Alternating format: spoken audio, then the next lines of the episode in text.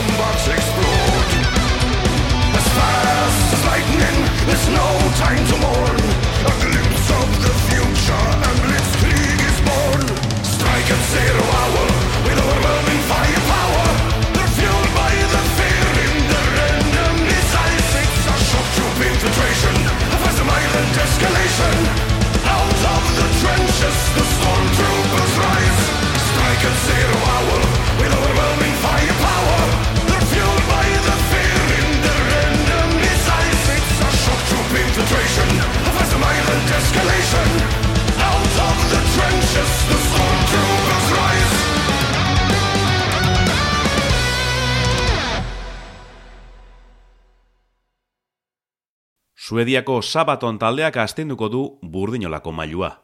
Gerrekin itxutu zirenetik, historiako pasarte beliko ugari kontatu eta kantatu dituzte. The War to End All Wars lanberria, gai horri buruzko azkena izango ote da. Heavy metalean historia idatzi duen bandaren oraina eta iragana errepasatuko ditugu. Stormtroopers abestiarekin abiatu dugu saioa.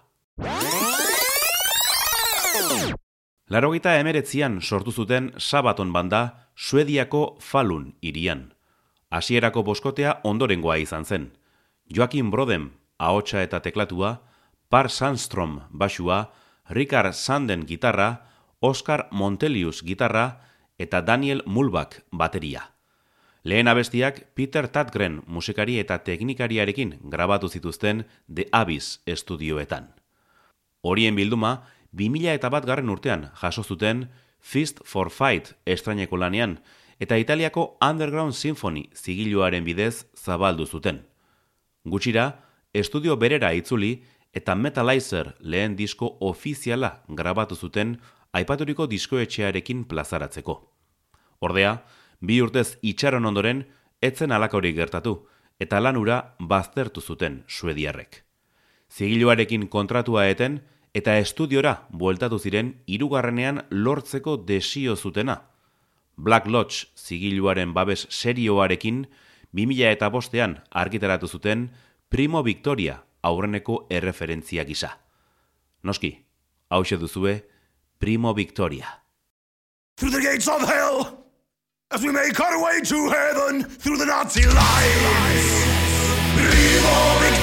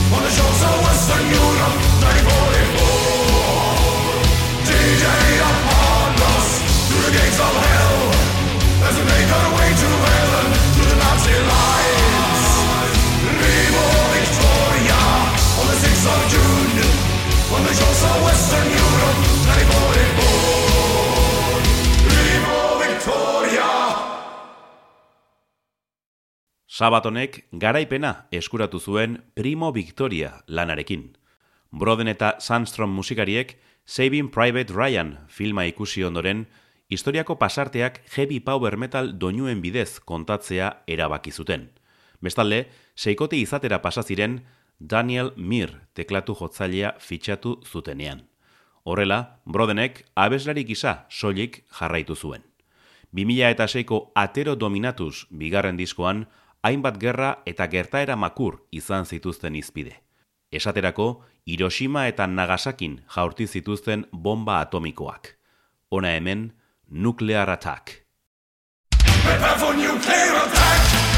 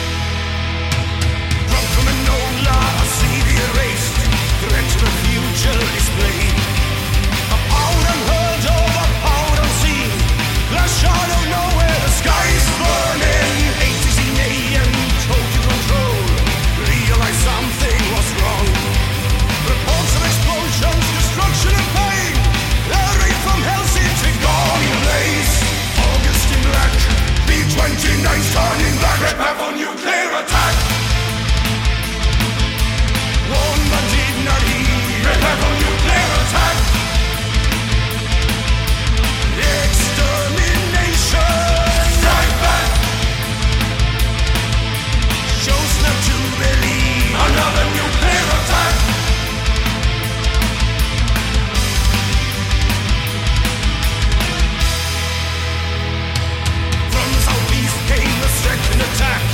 Threat of tomorrow.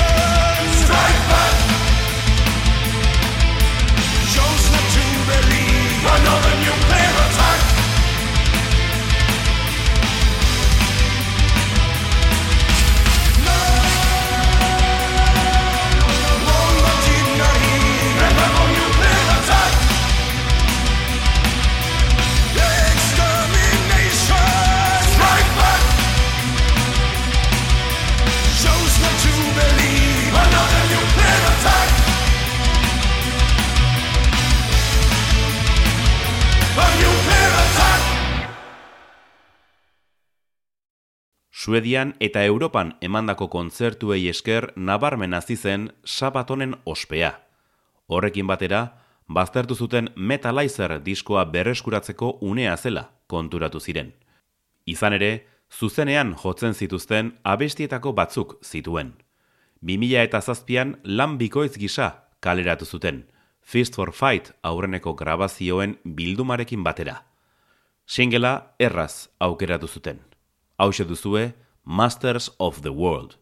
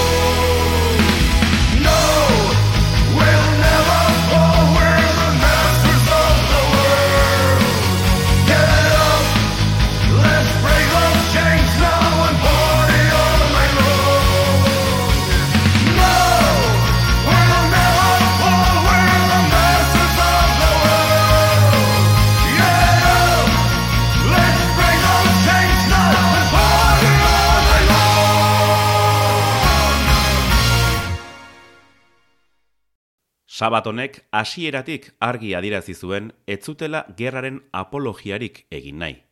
Historiaren dibulgatzaile gisa hautatu zituzten pasarte belikoak, tarteka ikuspegi kritikoarekin.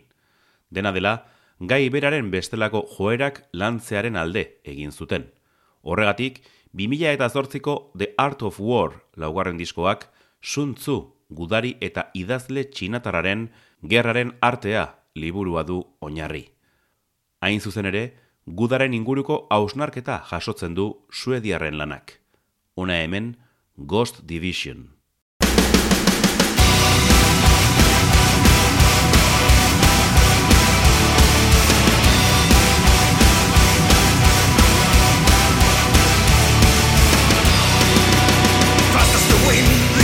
invasion has begun.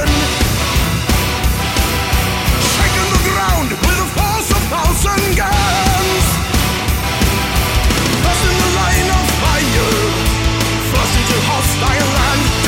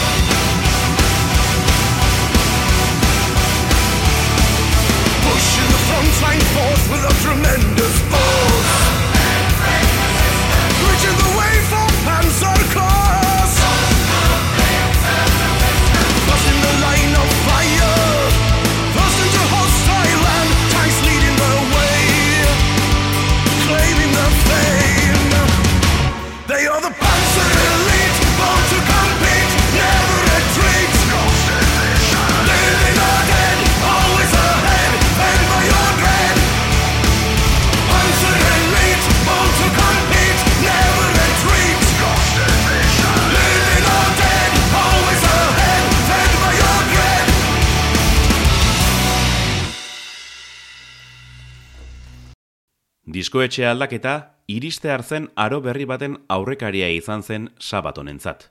Era berean, lehen aldiz gerra bakar batean oinarritu ziren. Izan ere, 2000 eta hamarreko Coat of Arms diskoa bigarren mundu gerrari buruzkoa da, bereziki. Nuklear blastekin sinatu arren, etzen aurreko lanak bezain arrakastatxua izan. Halere, etzen izan taldea bitan zatitzearen arrazoia. 2000 eta amabian, Broden eta Sandstrom bakarrik geratu ziren, gainerako laukideek ospa egin zutenean. Civil War banda sortu zuten ieslariek. Seikote horren azken emaitza izan zen, gutxira argitaratu zen Carolux Rex seigarren diskoa aparta. Suediako imperioaren eta Carlos amabigarrena erregearen garaian oinarritu ziren, eta bi hizkuntzetan kaleratu zuten, ingelesez eta suedieraz. Sekulako arrakasta izan zuen beraien herrialdean. Hau duzue, The Lion from the North.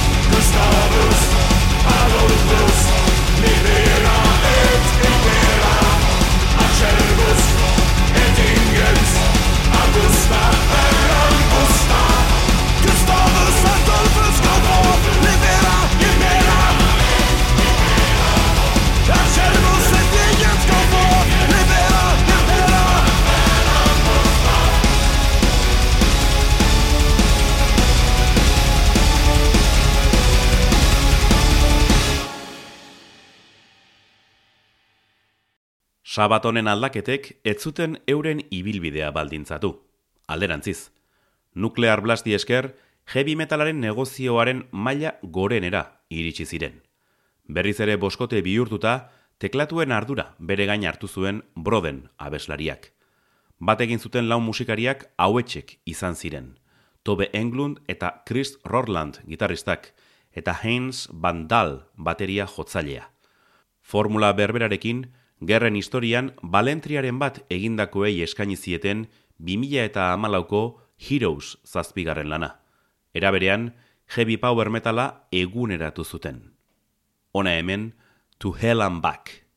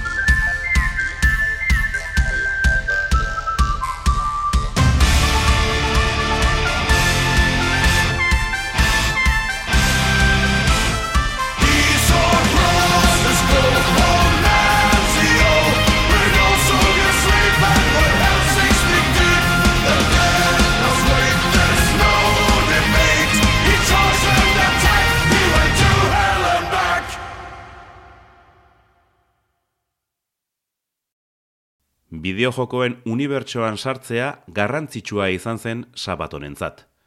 Publiko gaztearen gana iristea lortu zuten, eta horrek bestelako ospe komertziala eman zien suediarrei. Musikalki sortzen eta taula gaineko emanaldiak ikusgarriago bilakatzen jarraitu zuten. 2000 eta amaseiko The Last Stand zortzigarren diskoak askotariko iritziak izan zituen, askorentzat, sabaton errepikakorra bihurtu zelako. Hori dela eta, burua gehiago estutu zuten urrengo lanari begira. Englunden utxunea bete zuen Tommy Johansson gitarista laguntzaile aproposa izan zen. Lehen mundu gerrak lan bat merezi zuelakoan, guda horretan oinarritu zuten 2000 eta emeretziko The Great War lana. Arrera hobea izan zuen. Hau duzue, Seven Pillars of Wisdom.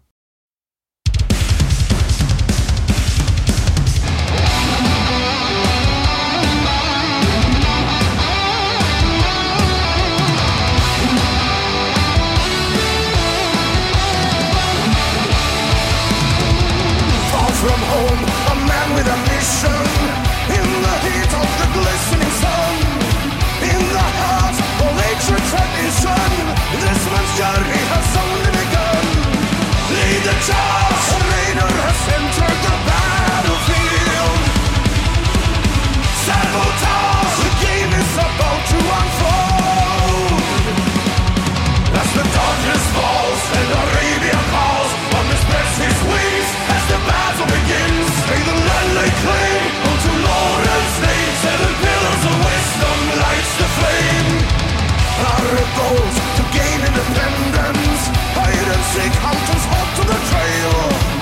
the rags, obtain the receptors. Side by side, read the ultimate rail. Lead the charge.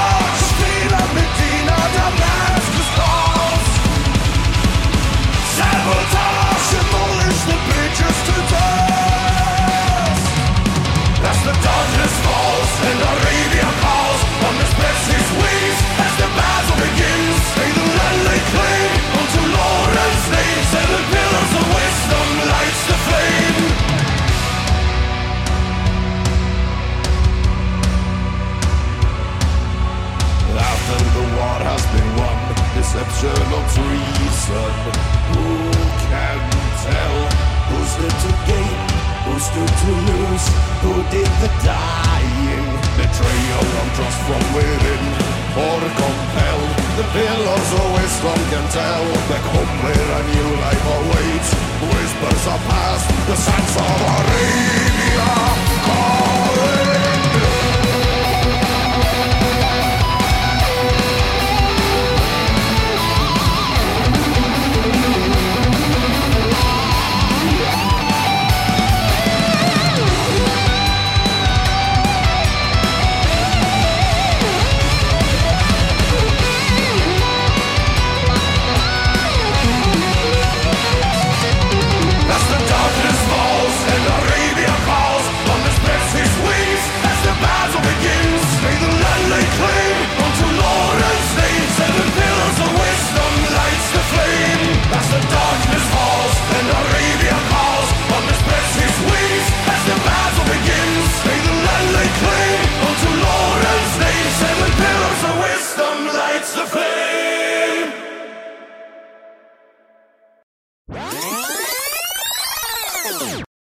gaur egunera etorrita, Sabaton Suediarren The War to End All Wars disko berriaren izenburuak dioena sinesten aleginduko gara.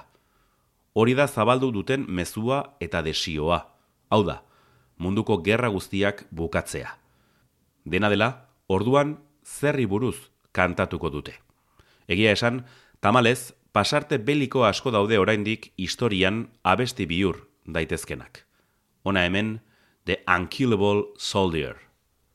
Into the fire, the trenches and mud, so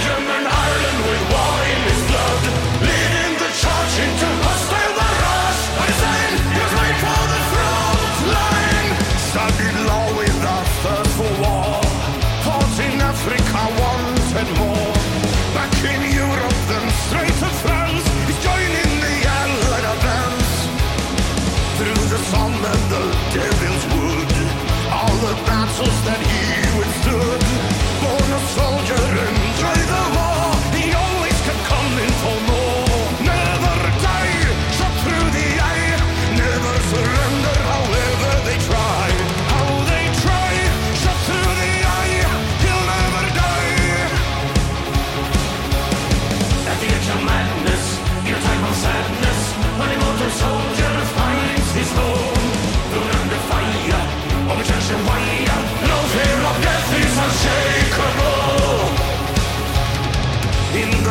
battles when he was shot. Kept on fighting and never stopped.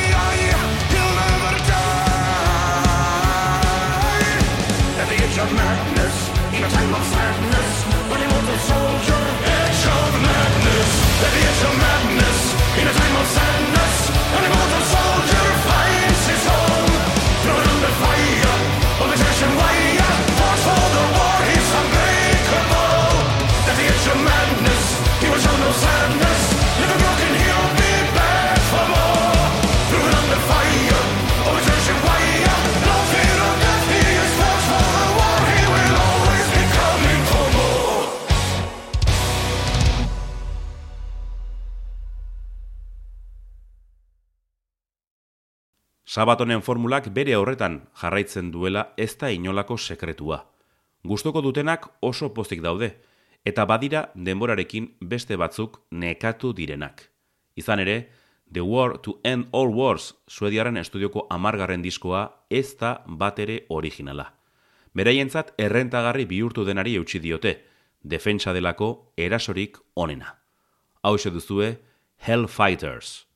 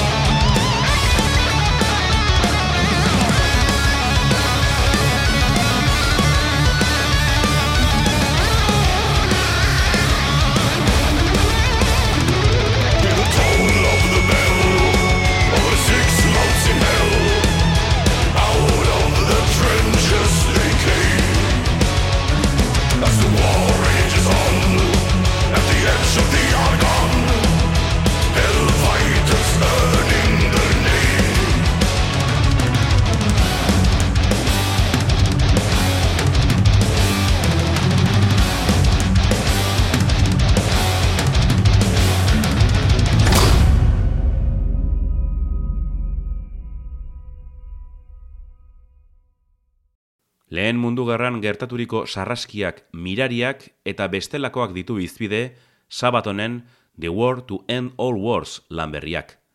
Zentzu horretan, entretenigarria da zeintzu diren hautaturiko pasarteak. Historia liburuetan jasota dagoenaren heavy power metal interpretazioa da beraiena, eta horrekin konformatzen denak gozatzen jarraituko du. Hona hemen, Lady of the Dark.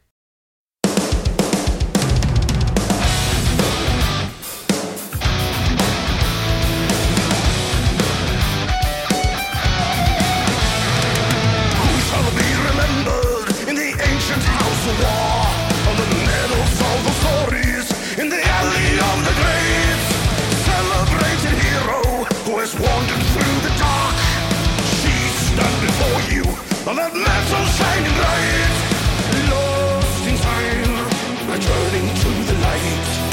Bow before this lady fights for life. Oh, sister, raise your hand for the lady of the dark. Soldier with no will to kill with a philanthropic heart. Break the norm, she's the girl in uniform. Fighting side by side with men, she will fight until the end.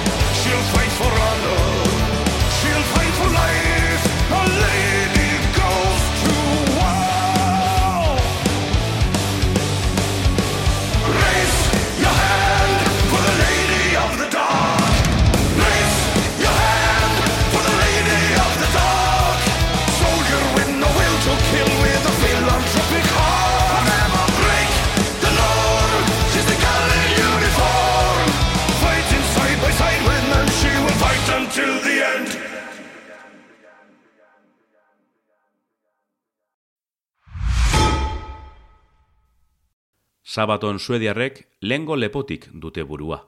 Hau da, gerran. Ez da harritzekoa 2000 eta hogeita bian gudurik estelako falta mundu honetan. Beraz, The War to End All Wars izenburuak dioena egia bihurtzea izango da onena. Programa amaitzeko, azken lanetik, The Valley of Death abestia aukeratu dugu. Urrengora arte, metalzale. zale.